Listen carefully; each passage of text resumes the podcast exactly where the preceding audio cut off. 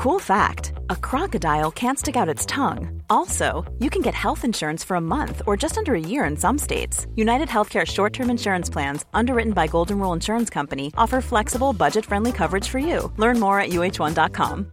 Hey, Dave. Yeah, Randy. Since we founded Bombus, we've always said our socks, underwear, and t shirts are super soft. Any new ideas? Maybe sublimely soft. Or disgustingly cozy. Wait, what? I got it. Bombus. Absurdly comfortable essentials for yourself and for those facing homelessness. Because one purchased equals one donated. Wow, did we just write an ad?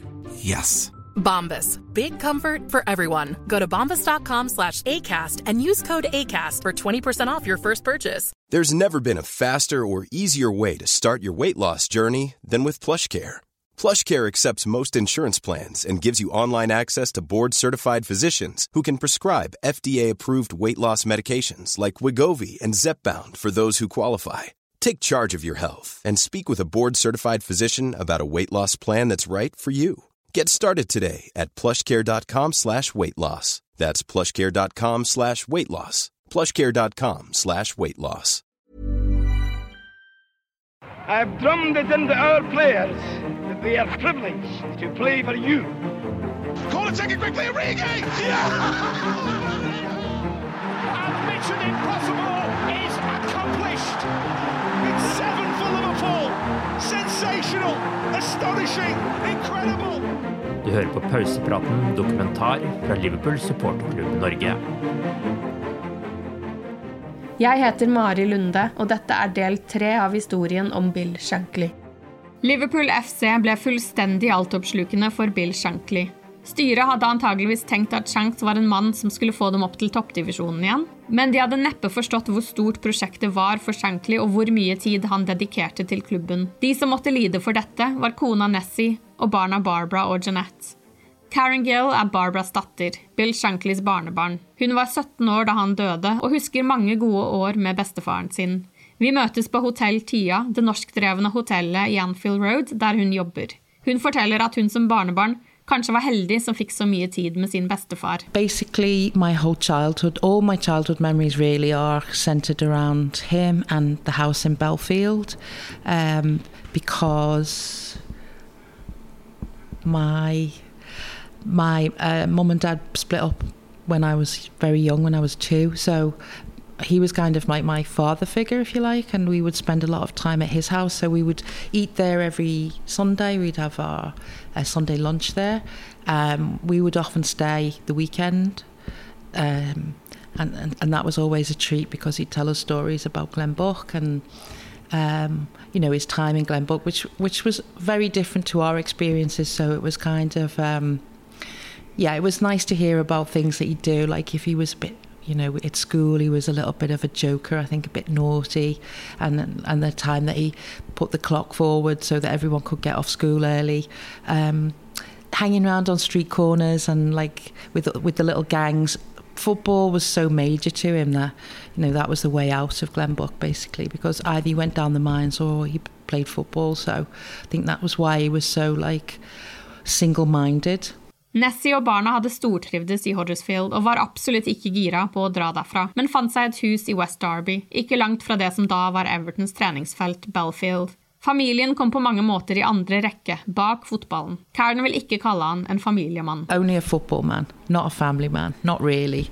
No, definitely not. I think obviously, I think he kind of regretted the fact that his children perhaps missed out on having a dad. Obviously, because you know, when my mum was little, you know, I think they, I think they lived in Huddersfield, so he would have been that would have been his tenure there as a manager at Huddersfield. So obviously he was very much, he was very busy, and even if he wasn't at work, he would have been going to football matches and up and down the country to watch players or whatever. So I don't think he was there a lot, and I think he did regret that later in life. But I don't think I don't think when you're that single-minded and you that you've got such a massive vision, I don't think family can really.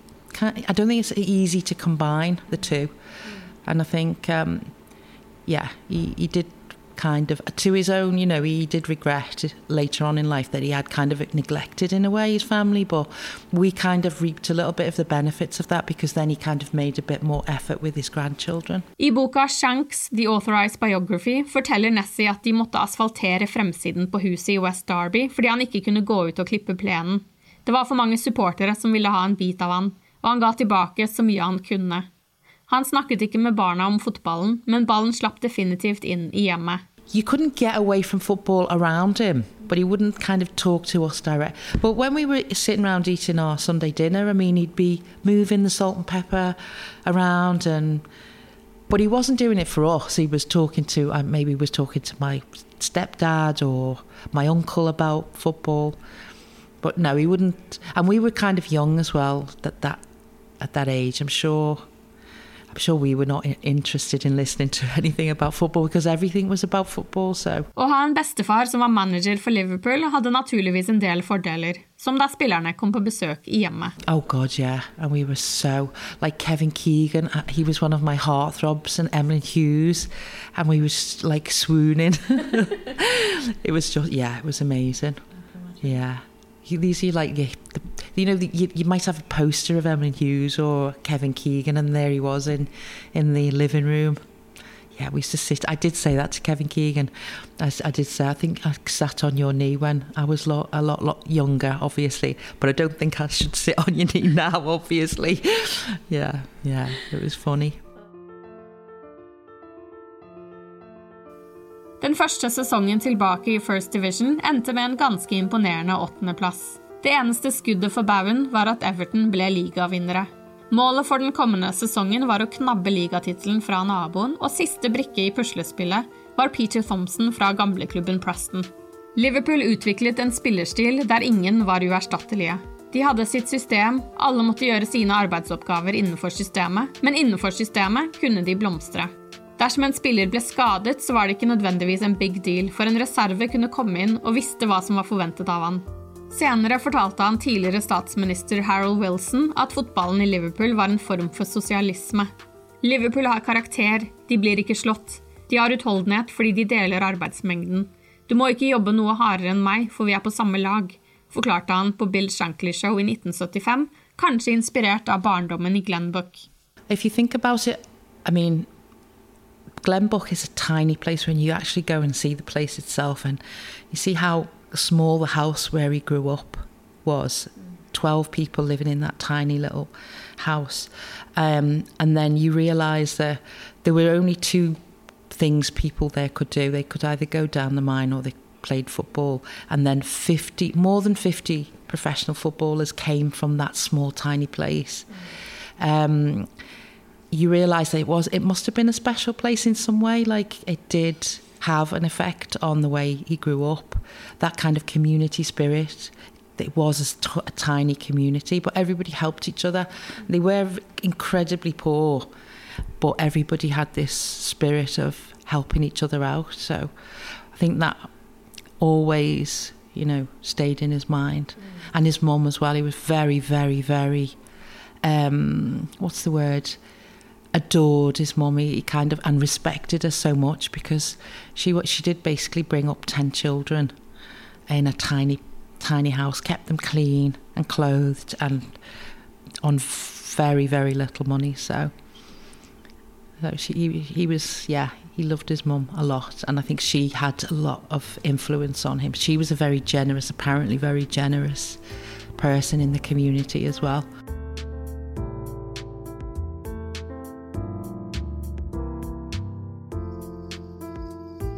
Alf Arrowsmith ble hentet senere i sesongen, og med han på plass fikk Shankly litt mer taktisk frihet. Det er mulig han lot seg inspirere av tidligere lagkamerat Tom Finney, som spilte som en dyptliggende spiss, da han flyttet Ian St. John fra en ren spissrolle til en offensiv rolle sentralt på midtbanen. 18.4.1964 slo Liverpool Arsenal 5-0 på Anfield. Det gjensto tre kamper av sesongen etter dette, men de betydde ingenting. Liverpool klarte det, de tok seg helt til topps i sin andre sesong i førstedivisjonen. Supporterne strømmet gjennom telleapparatene mange timer før kampstart, og det var fullt en time før avspark. Torbjørn Flatin var med å starte den norske supporterklubben til Liverpool i 1980, og er nok en av de i landet som kan mest om klubben. Ja, det er, helt utrolig, men, altså, det har, har, noe med den derre Hva skal jeg si eh, Flyten du har, liksom. Altså den Dette dro det hele med seg. Fansen, ikke sant. Det møtte opp enda flere. Altså det, det var en entusiasme.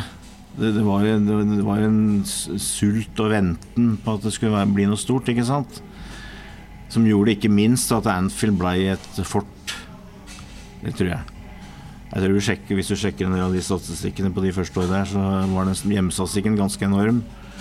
Eh, bortestatistikken ikke så enorm bestandig. Men, eh, men ja. Eh, også, det, det, det, tror jeg var det aller viktigste. At personen Shankly fikk til det. Han fikk de rette folka. Og så har du selvfølgelig fotballtreneren også. Eh, og han var òg ganske revolusjonerende der. Han hadde jo eh, spilt i Preston og både vunnet og tapt cupfinalen med Preston. Han var en stor spiller, egentlig. Han hadde eh, landskamper for Skottland og mista jo flere år eh, på landslaget i krigen. Eh, men i Preston så spilte de fotball. altså Der var det five, five side eh, mye mer enn at i Liverpool så løp de fra Anfield til Melwood. Det var en del av treninga. Eh, og ofte så gjorde de det på en vanlig treningsdag, så løp de fram og tilbake på asfalten i fotballstøvler. Så det fikk han slutt på. Og det er klart det skapte entusiasme blant spillerne, og sånt, og da slipper vi den der forbanna løpinga på asfalten. ikke sant? Han hadde masse fine, fine ideer i, i tillegg. Og du har det derre det, det blir det, føles og sier, og så blir det litt sånn floskel, men altså du har det at fotball er et enkelt spill og uh, pass and move og det greiene der. Men, altså, altså, det er en uh, Det er en tanke der. Altså det er uh, som, som, Roy Evans sa til meg mange år senere altså er, Han vurderer at det var ikke noe mer effektivt i fotball enn et hurtig og presist passingsspill. Og Hvis du da blander det med at du har spillere som orker å gjennomføre det hele tida, så, så blir det bra. Ligavinnere. En enorm prestasjon. Men det var ikke nok. Neste mål var FA-cupen, og bare én sesong senere var også den sikret.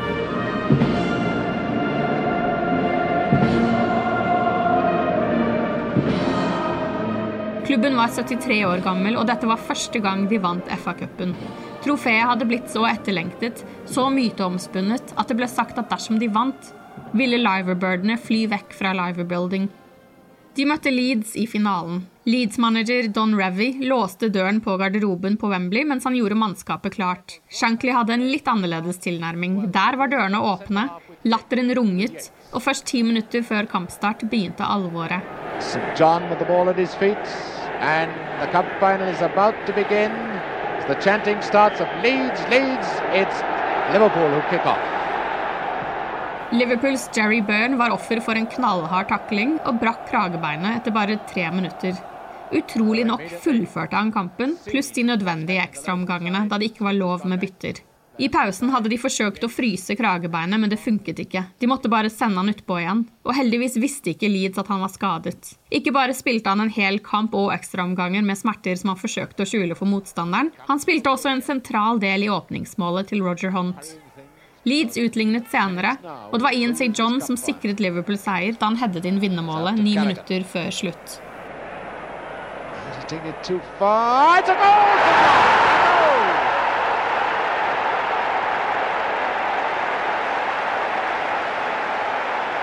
And over the barriers they come. They come. Here comes another fellow to St. John. And there go the coppers after him. Dagen etter seieren kom spillerne tilbake til Lime Street Station, togstasjonen i Liverpool, med trofeet. 500 000 supportere tok til gatene, og en buss uten tak kjørte gjennom folkemengden med spillerne, trenerne og pokalen om bord.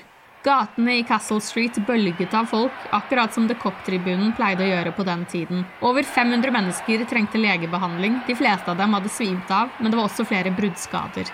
Det var så mye mennesker at Shankly har sagt at han nesten forventet at de skulle løfte bussen og bære den frem til Town Hall, der spillerne sto på balkongen og viste frem trofeet. Shankly har kalt dette for den lykkeligste dagen i livet hans. FA-cupen hadde enorm betydning på den tiden. Det kunne sammenlignes med å vinne ligaen. Han beholdt visstnok et avisutklipp fra denne dagen resten av livet. Trollbundet det var det de fleste ble, av den lille skotten med den store, mørke røsten. Selv tøffinger som Tommy Smith kjøpte hvert motiverende ord som kom fra munnen hans. Før kampene pleide han å snoke rundt motstanderne, og så kom han tilbake til garderoben og fortalte de rødkledde at motstanderne hadde vært på fylla kvelden før og var i elendig forfatning, og to av dem haltet. En gang kom han inn i garderoben 15 minutter før avspark med bustete hår, jakka halvveis på og skjorta fillete. Han hadde vært på The Cop med gutta. De hadde løfta han rundt på tribunen. Han klarte å skape et miljø hvor alle tenkte at dette var stedet å være. Liverpool bedre enn alle andre, med supportere som fortjente bare det absolutt beste. Noen dager etter FA-cupseieren og feiringen møtte Liverpool Inter Milan i semifinalen i Europacupen. Før kampstart, mens italienerne var på banen og varmet opp, sendte han ut den skadede helten fra finalen, Gary Byrne, til å bære FA-cuptrofeet rundt Anfield foran tilskuerne. Det skapte et enormt lydnivå fra supporterne, som smittet over på spillerne, som løp italienerne i stykker over 90 minutter. Liverpool vant 3-1 etter mål fra Roger Hunt, Ian Callahan og Ian St. John. Det viser jo egentlig eh, hvor fort Liverpool kom opp, da, at de kan eh, Inter hadde jo vunnet året før. Det var store, den store klubben akkurat da, men allikevel så spiller jo egentlig Liverpool med banen i første kampen og vinner 3-1. Og de fikk også et annullert mål der som antagelig ikke skulle vært annullert, for offside. Men ikke sant, der har du òg noe av det geniale med, med Bill Shankly, altså personligheten hans. Jeg husker eh, en, en av de mest rutinerte og eh, journalistene som han samarbeida mest med, John Keith, som fortsatt vel er litt i sving med radio og forskjellig. Han kalte Shankly for en art, en artist uten scene, en skuespiller uten scene, sa han. Eh, fordi han likte, han likte, det å liksom eh, snakke til store forsamlinger og, og, og på en måte sånn. Og, og etter den FA Cup-finalen, eh, som da var første gang Liverpool hadde vunnet FA Cup-finalen Du kan tenke deg altså hvis, en, hvis en, Om han ikke hadde vært Messias før, så ble han i hvert fall etter det. Ikke sant? Eh, også da så blir jo han eh, Gary Byrne brekker jo kravbeinet etter ni minutter, eller hva det er for noe. Og spiller ut kampen. Eh, I tillegg så var Gordon Millen skada. Han var også skada i finalen, da, men eh, hadde vært det sånn. Og så før kampen mot Inter så sender Shankly de to gutta ut med pokalen og går rundt Anfield, ikke sant. Liksom, om det ikke var virvla før, så ble det virvla da. Så det er jo folk som er gamle nok, som sier at det kanskje var den, den aller største kvelden, på en måte. Da returoppgjøret sto på San Siro, så hadde italienerne blitt oppmuntret til å lage fiendtlig stemning. I lokalavisene hadde de blitt fortalt at tilskuerne på Anfield hadde vært som ville dyr da interspillerne gikk ut på banen. At FA-cuptrofeet ble vist frem, ble sett som en enorm provokasjon. Selve kampen ble av det kontroversielle slaget. Inter Milan vant 3-0 og danket dermed Liverpool ut av Europacupen i semifinalen. Shankly skrev i biografien sin at supporterne på San Siro var fiendtlige. De hadde røykbomber, lilla greier i glass som ble til røyk da de sprakk. En av disse landet på trappen, og Bob Paisleys klær ble dekket i det. Inter vant 3-0, men selv ikke da så det ut som at spillerne likte kampen, og vi tror at to av målene ikke skulle vært godkjent. Etter åtte minutter ble Inter tildelt det Liverpool trodde var et indirekte frispark, men som ble satt rett i mål. Målet ble godkjent. Et minutt senere hadde målvakt Tommy Lawrence ballen som han spratt innenfor 16-meteren. Joaquin Peiro snek seg inn bak han og sparket ballen vekk og i mål. Det ble også godkjent, til tross for store protester. Senere fikk Ian St. John et mål annullert, og ingen vet hvorfor. Etter en time la italieneren på til 3-0, og kampen var over. Liverpool-spillere hadde mistet hodet. Tommy Smith var så rasende på dommeren at han jaget og sparket etter han etter kampen. Jeg, jeg, jeg har jo sett eh, klipp fra den eh, kampen i Italia. Det var litt tvilsomt. Den ene goalen syns jeg kanskje er litt drøyt å si det skulle vært annullert på en måte. Jeg, men, men altså at det var noe eh, dealings der, det, det er det ikke noe tvil om. Men Samtidig så tror jeg òg at det var jo på en måte en eh, en, del av, en liten del av en læringsprosess. Altså, du kan jo ikke si at Liverpool gjorde det dårlig i Europa i starten. Det gjorde de absolutt ikke. Men allikevel If you're looking for plump lips that last, you need to know about Juvederm lip fillers. With Juvederm Volbella XC and Juvederm Ultra XC, your lip look, whether it's subtle or bold, can last up to one full year with optimal treatment and no additional maintenance. Find a licensed specialist and see if it's right for you at Juvederm.com today. That's J U V E D E R M.com. Add fullness to lips in adults over 21 with Juvederm Volbella XC or Juvederm Ultra XC. Do not use if you have severe allergies or a history of severe allergic reactions, or if you're allergic to lidocaine or the proteins used in Juvederm. Tell your doctor if you have a history of scarring or taking medicines that decrease the body's immune response or that can prolong bleeding. Common side effects include injection site redness, swelling, pain, tenderness, firmness, lumps, bumps, bruising, discoloration, or itching. As with all fillers, there's a rare risk of unintentional injection into a blood vessel, which can cause vision abnormalities, blindness, stroke, temporary scabs, or scarring. For full important safety information, visit juvederm.com.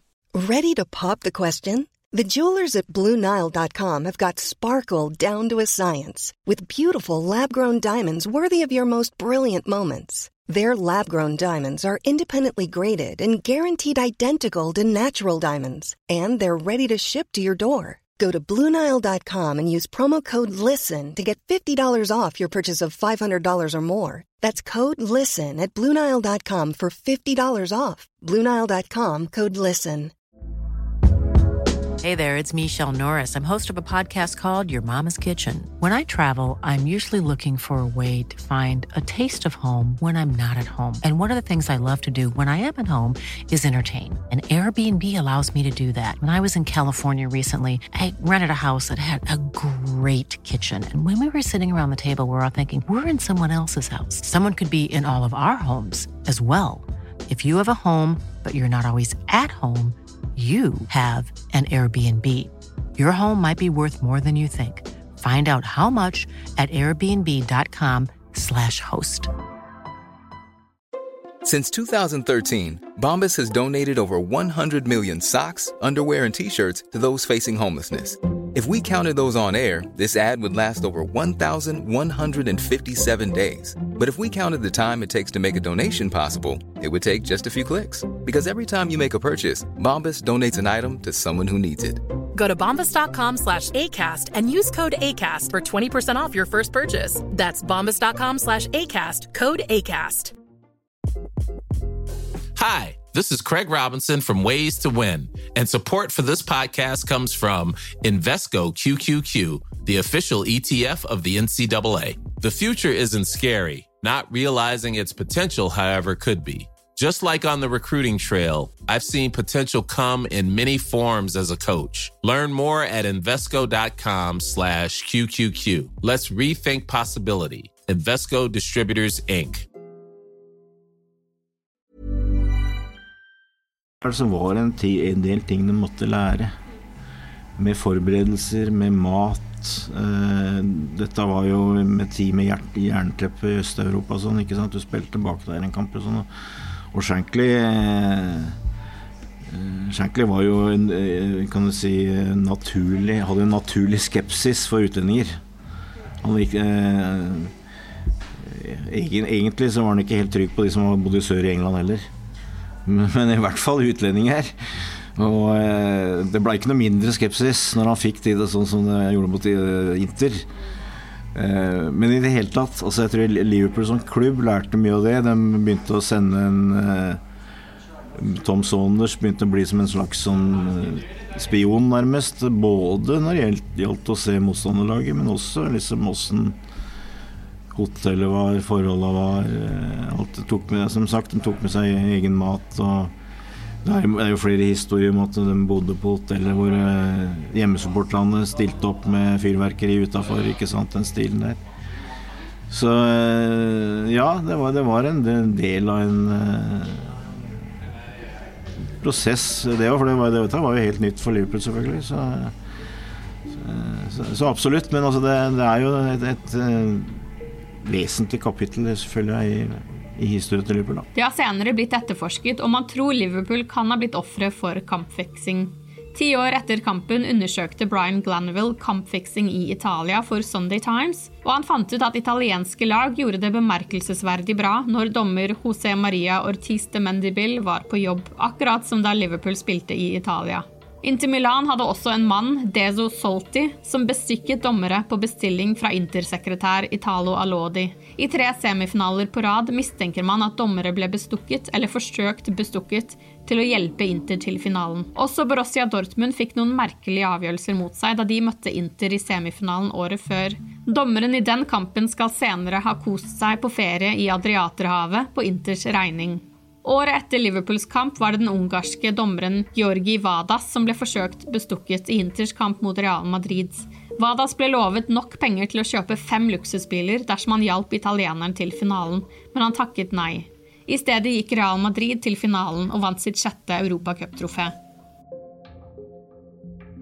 Etter kampen skal Shankly ha gått inn i garderoben til sine spillere og sagt at ingen lag i verden slår Liverpool 3-0. De må være fulle av dop, og dommeren var kjøpt.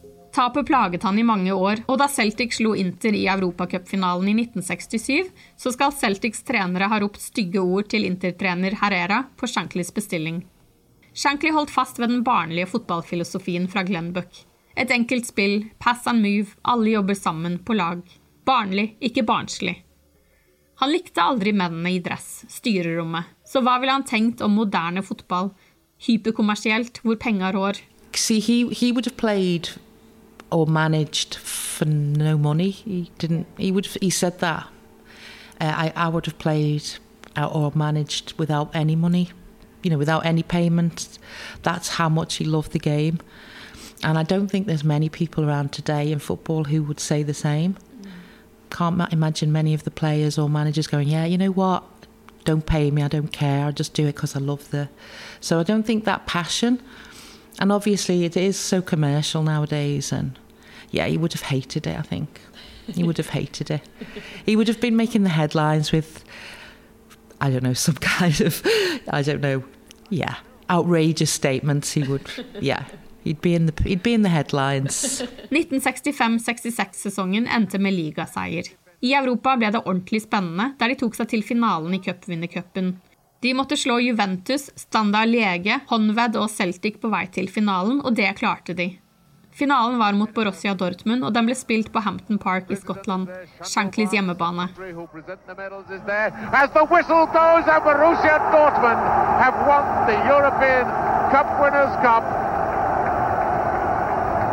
Borussia Dortmund have won by two goals to one. Liverpool having paid the penalty of giving away a soft winning goal. Det ble tap i Skottland. Det viste seg også som slutten på en epoke. Slutten på laget som hadde herjet England på midten av 1960-tallet. Laget ble litt eldre for hvert år, uten at det ble hentet inn store forsterkningene. Liverpool gikk nesten to hele sesonger uten å hente inn nye fjes, for Emlyn Hughes ble hentet i mars 1967. Men Hughes alene var ikke nok. Laget var så basert på tillit til hverandre at Shankly slet med å kvitte seg med sine trofaste menn, til tross for at det kanskje var på tide. Han ønsket at spillere som Roger Hunt, Ian St. John, Tommy Lawrence, Ron Yates at de skulle være som Peter Pan, at de aldri ble eldre. Shankly hadde satt sine egne skyhøye standarder og slet nå med å leve opp til dem. Vant, vant egentlig ikke noe fra 66 til 73. Jeg fikk jo på en måte med meg slutten av den der opp, oppbyggingsprosessen, kan du si. Uh, yes, det var aldri noe snakk om at Shankly kanskje burde byttes ut, på en måte. Uh, nei Og, det, og jeg snakka med fans som var, var fans da. Uh, nei, det syns de ikke. Han var jo i nærheten og sånt noe. Eh, og det, jeg tror han spilte god fotball. Eh, det er jo fortsatt en, fortsatt en statistikk som jeg egentlig jeg, som Liverpool-supporter er litt stolt av. At siden eh, Liverpool eh, var tilbake i første divisjon, eh, altså toppdivisjon, i 62-63, så har de aldri vært dårligere enn noen måte. De har aldri hatt en negativ statistikk i en ligasesong. De har aldri tapt flere kamper enn de har vunnet. De har alltid vunnet flere enn de har tapt. Det syns jeg er ganske enormt. For vi begynner å snakke om 60 år her. Men, men ja, jeg vant ikke noe, og, og som du sier, og det, det tok nok Den blei vel nummer to et år der, om det var 68, tror jeg kanskje. Så den var i nærheten, men så det tok nok litt tid før vi begynte å skjønne at det her kanskje burde gjort. Men det, det, var nok noe av det som var Hvis du skal si at Bill Shankly hadde svakheter. Og det er litt sånn som jeg føler med Jürgen Klopp. At han var lojal mot sine største spillere. Han, han likte ikke å og, hvis det var noen som skulle settes ut, f.eks. også tidligere, så sendte han regel Bob Paisley for å si ifra. Han likte ikke å liksom, komme på kant med dem, på en måte. Og det gjorde nok at han uh, venta litt for lenge. Uh, og så har du den kampen mot Watford i 1970, var det vel. Uh, hvor, hvor, hvor, hvor også Shankly ser at nå er ikke de gutta mine i stand til å snu, snu det på den måten de hadde før. og det, jeg, tror, jeg, tror, liksom ikke sant altså, I Liverpool har det vært litt sånn at jeg tror, ikke, jeg tror aldri det, det har vært på en måte veldig mye coaching fra sida, men altså de forventer at de som er ledere ute på banen, de skal greie å finne ut det sjøl og gjøre det sjøl. Sånn var det, sånn var etterpå også. Da, da, tror jeg han følte kanskje i den kampen at uh, Yates og. John de, de, greier ikke lenger. Uh, jeg kan ikke stole på dem lenger. Uh, og når det først, når det først var skjedde, så, så, var han tøff. Kan du si uvarmhjertig, på en måte. Bare, da, var det, da var det ut. Da var det nytt lag. Det måtte utskiftninger til i troppen, og spillere forsvant ut døren mens yngre erstattere kom inn. I 1971 kom Liverpool til FA Cup-finalen, der de møtte Arsenal på Wembley. Liverpool stilte med Ray Clemens, Chris Lawler, Alec Lindsay, Tommy Smith, Larry Lloyd, Emlyn Hughes, Ian Callahan, Alan Evans, Steve Highway, John Toshak og Brian Hall. Peter Thompson satt på benken og byttet etter hvert plass med Alan Evans. En yngre tropp var ikke vant med presset fra Wembley, og Arsenal følte også på presset om å vinne en dobbel. De hadde allerede vunnet ligaen. Kampen gikk til ekstraomganger, der Steve Highways magi ga Liverpool ledelsen, men da svarte Arsenal to ganger. Liverpool hadde allerede planlagt en bussparade gjennom byen, som i 1965, men denne gangen var det ikke for å feire en seier, nå var det et tap. Men det hindret ikke supporterne i å ta til gatene, og Shankly i å levere en av sine mest minneverdige taler fra St. George's Hall. Since I come here to Liverpool or to Anfield, I've drummed it into our players time and again that they are privileged to play for you.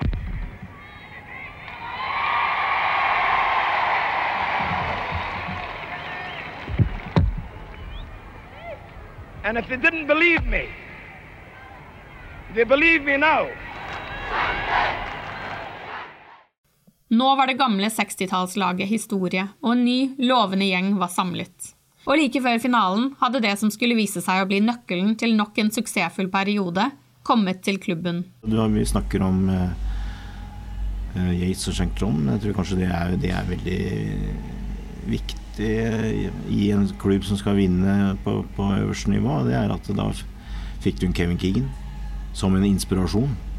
Du får det lille ekstra. Du får han som kommer inn som er uten respekt. Eh, som tar nivået. Eh, som er så, så sulten.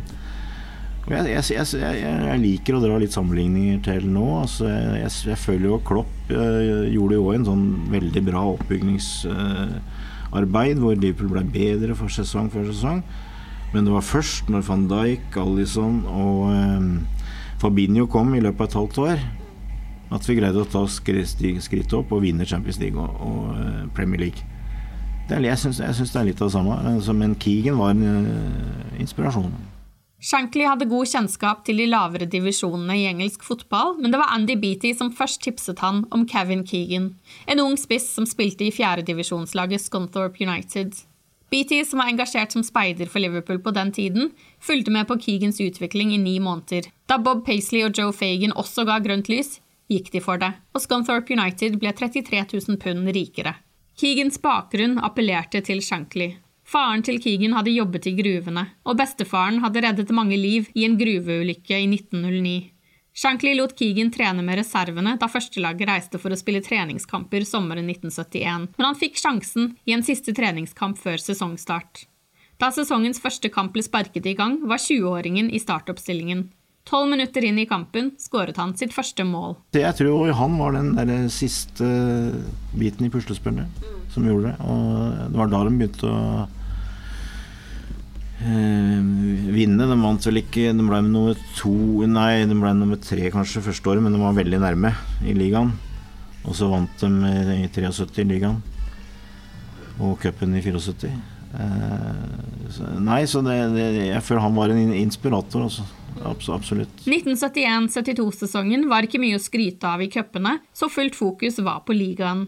Fra slutten av januar vant de 13 av 14 kamper. Den 14. kampen endte uavgjort. I sesongens siste kamp måtte de slå Arsenal for å bli ligavinnere. Liverpool skåret da det gjensto fem minutter, men dommeren annullerte målet.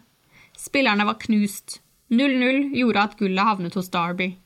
I garderoben etter kampen hadde Shankly vist seg fra sin varme side full av sympati med de triste spillerne sine. Han satte sine egne følelser til side. I stedet for å henge med hodet, brettet de opp ermene og startet arbeidet mot neste sesong. Da kunne ingen stoppe dem. Ligatittelen ble vunnet på sesongens siste dag, i en målløs kamp mot Leicester City på Anfield.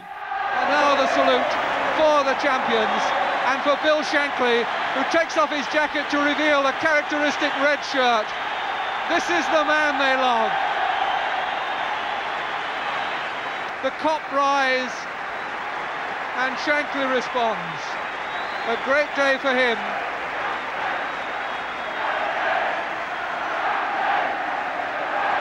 And a great, great day for them. Samme sesong skulle det endelig løsne i Europa. De lærte seg å spille på kontinentet av 60-årgangen og hadde endelig mestret tempoet og pasningsspillet. De tok seg til finalen i Uefa-cupen, der de møtte Borussia Mönchengladbach over to kamper.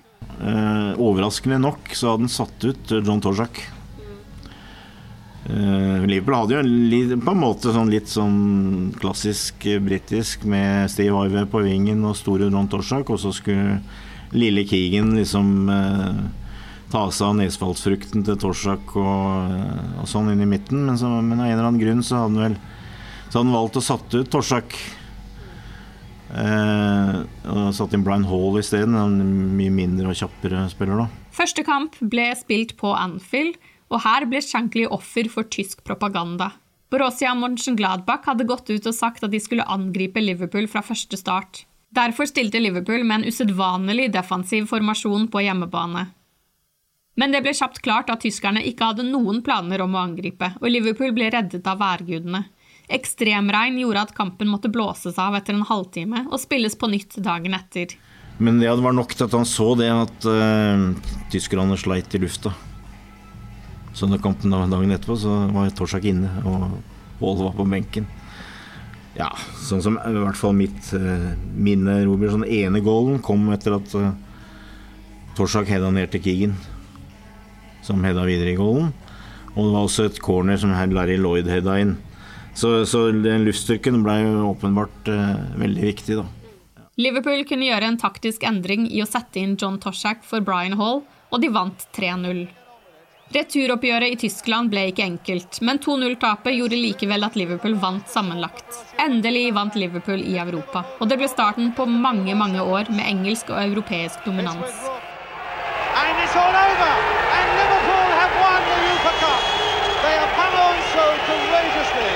Through the whole of that second half after Borussia Shankly må ha vært ekstra gira, siden det tross alt var et ungt mannskap han fortsatt hadde. De kom tilbake til Liverpool midt på natta, men det var likevel tusenvis av supportere på flyplassen for å ønske dem velkommen hjem. Før 1973-74-sesongen fikk Shankly spørsmål om han, som snart 60-åring, snart kom til å gi seg som manager for Liverpool. Han svarte at han skulle bli værende så lenge han var frisk nok til å gjøre jobben. Kontrakten hans gikk ut 31. mai 1974, og han ville ikke starte forhandlinger før sesongen var over. De måtte ta til takke med en annenplass i ligaen, men i FA-cupen gikk de helt til finalen. Nok en tur til Wembley, Anfield South. Han åpnet pressekonferansen før kampen på Wembley med å hylle en tidligere arbeidsgiver. La meg fortelle dere om min tidligere klubb, Carlisle United, som i går rykket opp til førstedivisjon for første gang i deres historie. Det er den største bragden i fotballens historie. Nå var Liverpool så vant med finaler at de klarte å holde nervene i sjakk, spille på Liverpool-måten og vant hele 3-0 over Newcastle, med to mål fra Keegan og ett fra Highway. Highway, Liverpool showing them party pieces. He wasn't offside. Smith. Yes! Keegan second. And Newcastle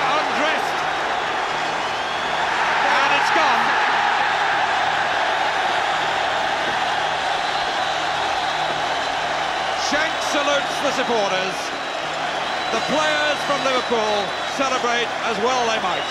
A victory well deserved.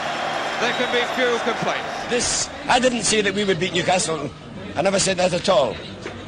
I said that we were the best team in England, and it's possible for us to beat anybody in England, and possibly anybody in the world. You feel as though you proved it today? I said, I didn't say we would beat anybody. I said that we were capable of beating anybody in the world. Liverpools supportere ante fred og ingen fare på starten av sommeren 1974. De hadde nylig kunnet feire FA-cupseieren. De hadde et ungt, lovende lag som allerede var et å regne med på alle fronter. Hva kunne gå galt?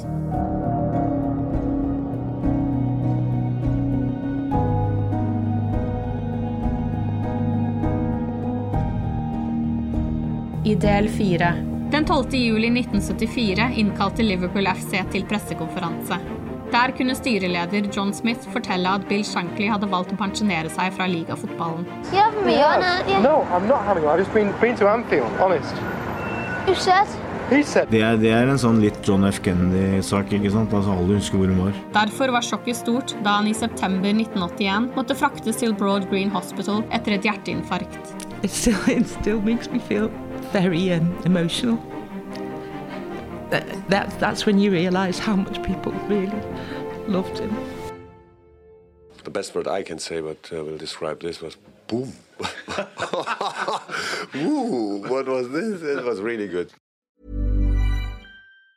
Even on a budget, quality is non-negotiable. That's why Quince is the place to score high-end essentials at 50 to 80% less than similar brands. Get your hands on buttery soft cashmere sweaters from just 60 bucks, Italian leather jackets, and so much more. And the best part about Quince, they exclusively partner with factories committed to safe, ethical, and responsible manufacturing. Elevate your style without the elevated price tag with Quince. Go to quince.com slash upgrade for free shipping and 365-day returns. Hi, this is Craig Robinson from Ways to Win, and support for this podcast comes from Invesco QQQ, the official ETF of the NCAA. The future isn't scary. Not realizing its potential, however, could be. Just like on the recruiting trail, I've seen potential come in many forms as a coach. Learn more at Invesco.com slash QQQ. Let's rethink possibility. Invesco Distributors, Inc. When you make decisions for your company, you look for the no-brainers. If you have a lot of mailing to do, Stamps.com is the ultimate no-brainer. Use the Stamps.com mobile app to mail everything you need to keep your business running with up to 89% off USPS and UPS. Make the same no-brainer decision as over 1 million other businesses with Stamps.com. Use code PROGRAM for a special offer. That's Stamps.com, code PROGRAM.